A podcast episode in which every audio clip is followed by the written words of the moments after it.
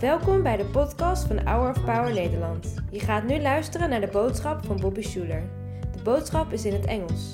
Liever met Nederlandse ondertiteling erbij? Bekijk dan de uitzending op hourofpower.nl of op ons YouTube kanaal.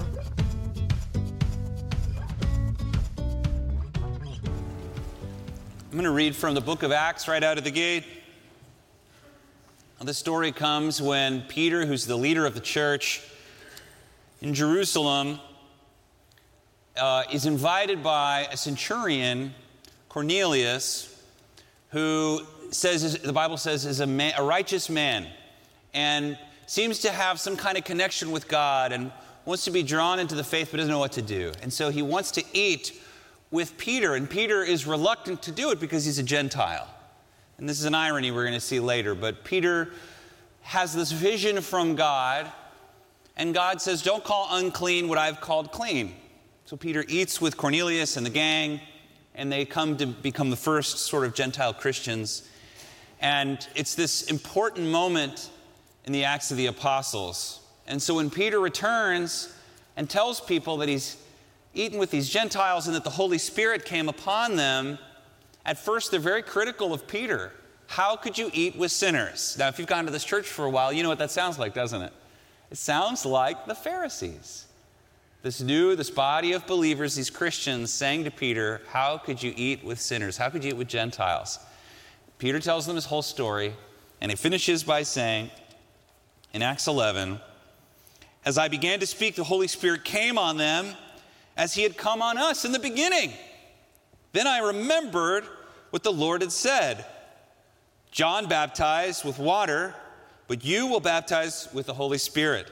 So if God gave them the gift, he gave us, who believed in the Lord Jesus Christ, who was I to think that I could stand in God's way? When they heard this, they had no further objections and praised God, saying, So then, even the Gentiles, God has granted repentance that leads to life. This Gentile is very glad that Gentiles are allowed to come into the kingdom of God. And this is Jesus' heart. We're going to talk about this today. The heart of Christ is reconciliation, grace, forgiveness, and mercy. And particularly, Jesus likes to do it with food. Jesus had an eating ministry. And that so much of Jesus' ministry was inviting sinners or people that weren't supposed to associate with righteous people to his table. And the Lord invites you to eat at his table today, to eat with him just as you are, not as you want to be or not as you should be. Jerusalem is a, an amazing place. It's an old, old city. There's old cities like Paris, and then there's old, old cities like Jerusalem that have been around a long, long, long time. There are a lot of wonderful things about Jerusalem. The food in particular is very good. We had the world's best falafel at least four times at four different places. But one thing you notice about Jerusalem in particular and the whole nation of Israel is although it's calm, it's calm like a bomb, as uh, one band said. It's, it's like a, a powder keg. Even though it's not exploding, it feels like the smallest thing could cause the whole thing uh, to erupt. There's a saying in uh, Hebrew, shalom. Shalom, mashlomcha. This word shalom means peace. It means, and it's a greeting. It's, you say, it's like aloha.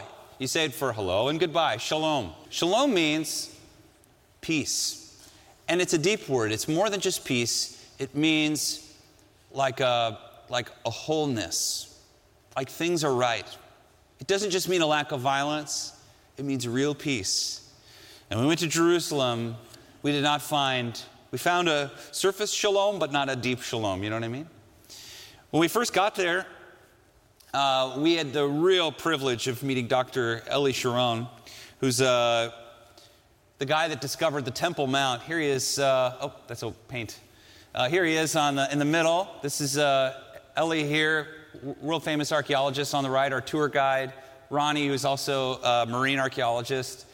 And uh, behind us, you can see there is the southern wall of the Temple Mount. That's where the original temple Jesus was.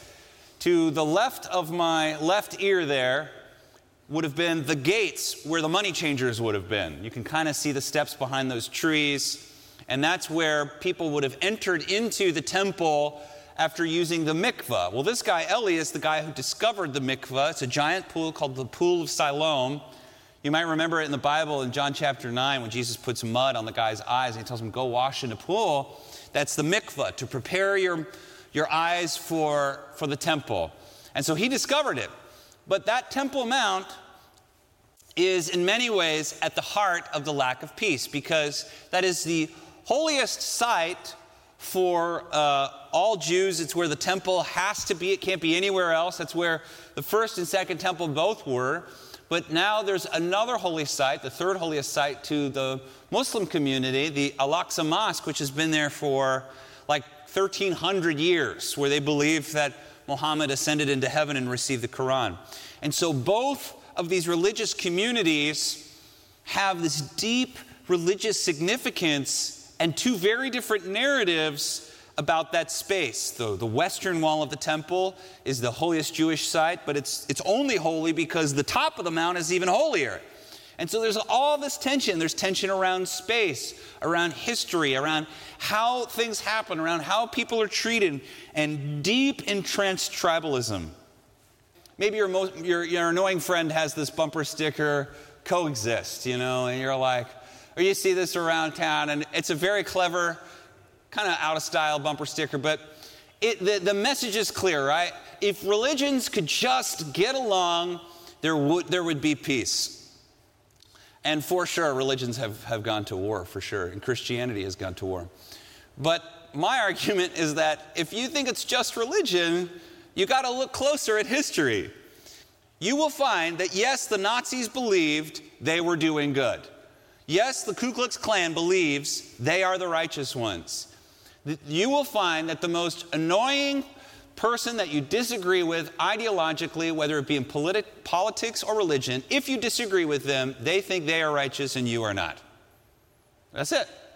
So there is a self righteousness to every tribe that binds the tribe, that has key taboos, things you're not allowed to say, or foods you're not allowed to eat, or people you're not allowed to associate with, or, or clothing you're not supposed to, or you are supposed to wear. There's a language, there's a, and all of these things deeply embed you in a sense that I belong to a tribe that's a part of a righteous group.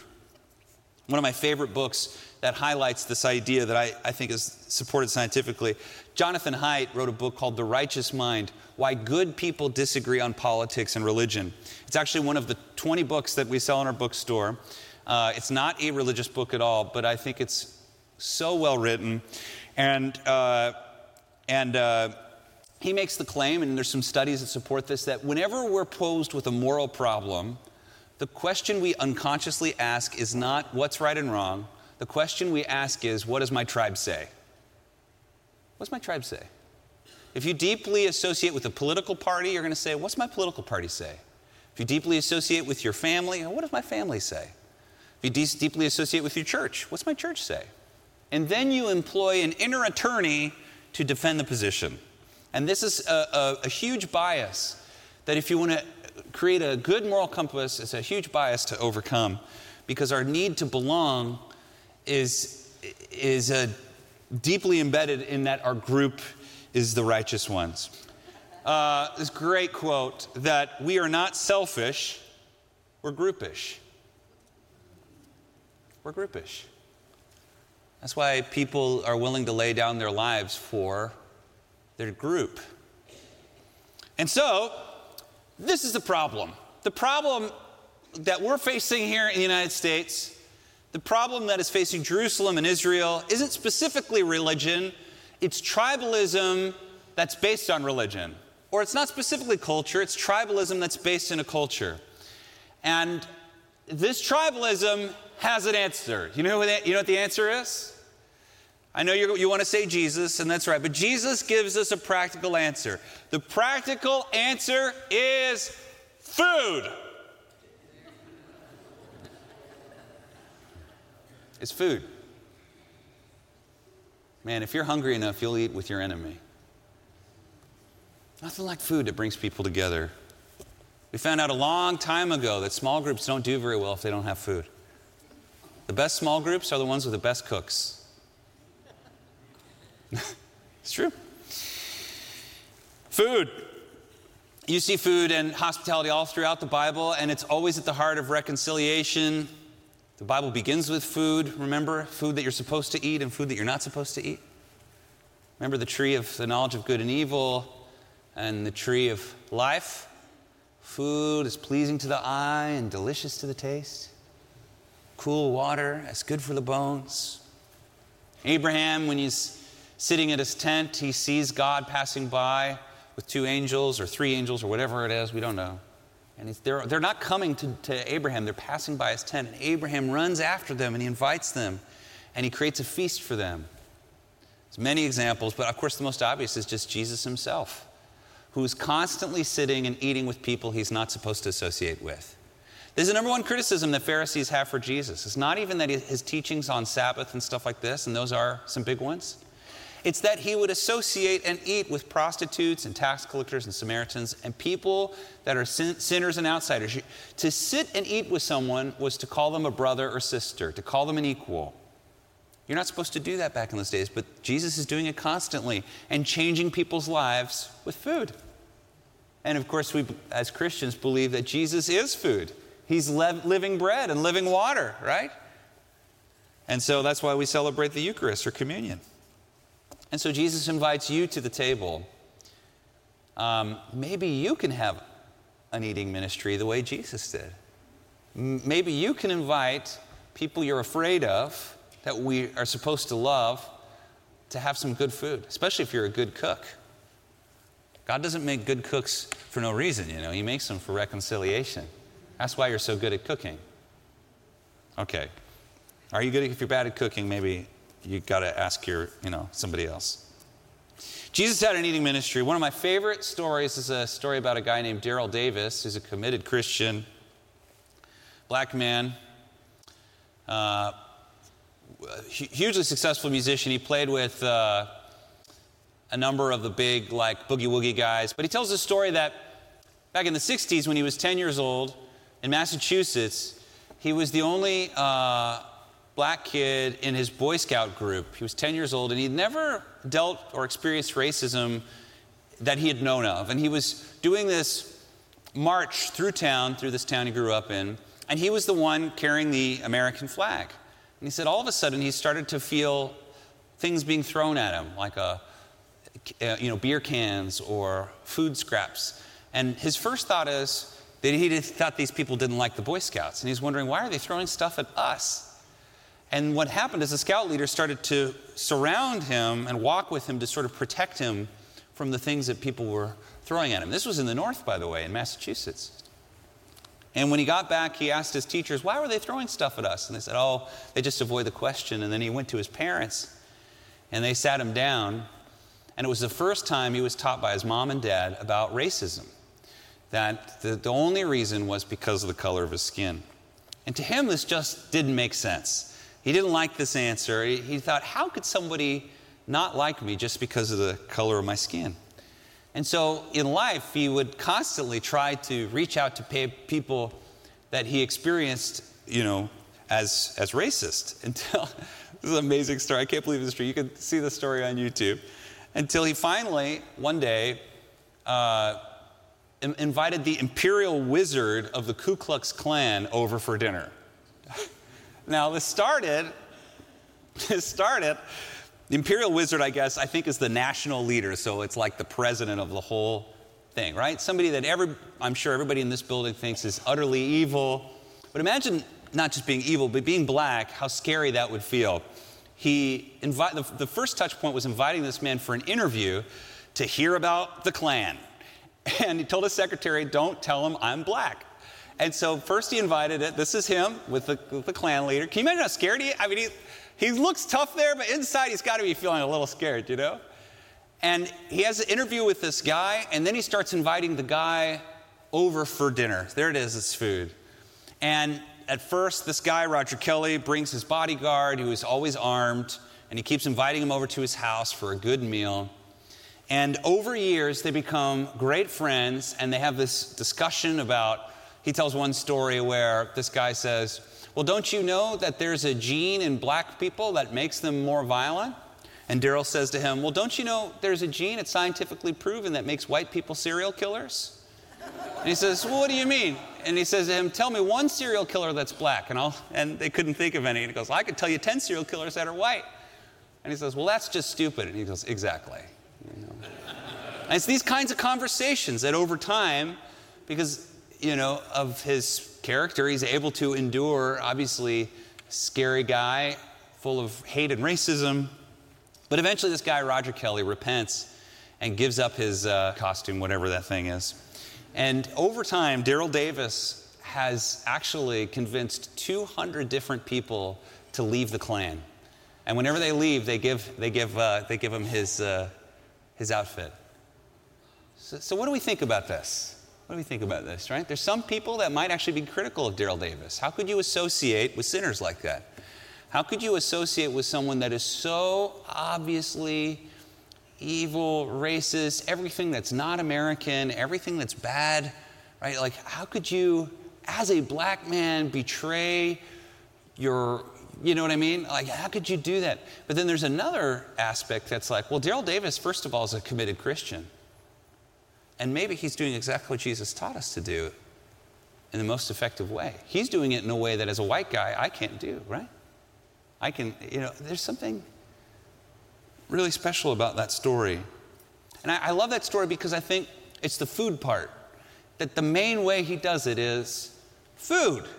Daryl Davis has an eating ministry. I have an eating ministry. Are you a good cook, by the way? You know what my stuff is? I make a million dollar mac and cheese. That's what they call it. It's actually about 50 or 60 bucks, but it's million dollar mac and cheese sounds better.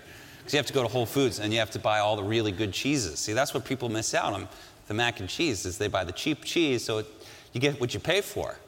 But you got to use the expensive cheese. And you got to grate the cheese. You can't just buy it grated, you have to grate. The cooking, the cooking is, there's something about preparing hospitality, inviting people to your table that breaks down so many of these walls that we put up. A deep peace where you like your neighbor and your neighbor likes you. Well, that's what Jesus calls us to do. He doesn't call us to just tolerate each other, He calls us to be hospitable, forgiving, and loving to each other. And I'm so glad that there were people when I was a jerk, when I had things in my life, that were still willing to invite me to their table to eat some good food on a hard day. Jesus had an eating ministry, and this is where Peter is. You know, Peter was invited to Jesus' table, and in Acts 11, Peter discovers that one of the best things Jesus does is loves people right where they're at. That Christianity and the gospel is, turns everything upside down. Everything else says, behave and then you can belong to us. But Jesus says you belong before you behave. You belong before you get it all right, and you even belong before you believe. Won't you come at the table and sit with me? And they did, and they rejoiced, and the Lord rescued them from their sin. I think at, this, at the heart of this, of what I'm really saying, is a type of possibility thinking, actually. To look at someone that you find as scary or evil or an outsider as a Christian and decide to wonder is it possible that they could change? It's the spirit of seeing what is possible in someone, the spirit of seeing a person and wondering, yeah, maybe they're mean spirited now, but could they become a kind person? Yeah, they're standoffish now, but would they let me in? And the spirit of Jesus is a spirit of saying, this person may be an outsider to me now, but it's possible that they could come to know the Lord. Maybe I can make for them some million dollar mac and cheese, or I also make a very good chocolate chip toffee cookie. That's for another time. And I make a very good smoked honey chicken. Any of these things, I don't know what your best dish is. Maybe you make a mean bowl of cereal, but it works. Invite people to your table and begin to listen to people and watch how that will bring peace to your heart too. I find that not everybody's as bad as you think they are. So, Lord, we just love you. And I ask that you would give us a true spirit of shalom, not to judge, or to blame, but to understand that everyone has a different story. Everyone has different parents that taught them different things. Everyone grew up in different places, but you love us all, Lord. Help us to understand that even evil people are your beloved sons and daughters, and you want them, as a prodigal son, to come home. Help us to not be like the elder brother, but to be like the father that waits at the door, wanting to see your children home with you. Lord, we love you and we thank you. It's in Jesus' name we pray. Amen. Bedankt voor het luisteren naar de podcast van deze week. We hopen dat deze boodschap jou heeft bemoedigd. Wil je meer weten over Hour of Power of dagelijkse bemoedigingen ontvangen? Ga dan naar www.hourofpower.nl.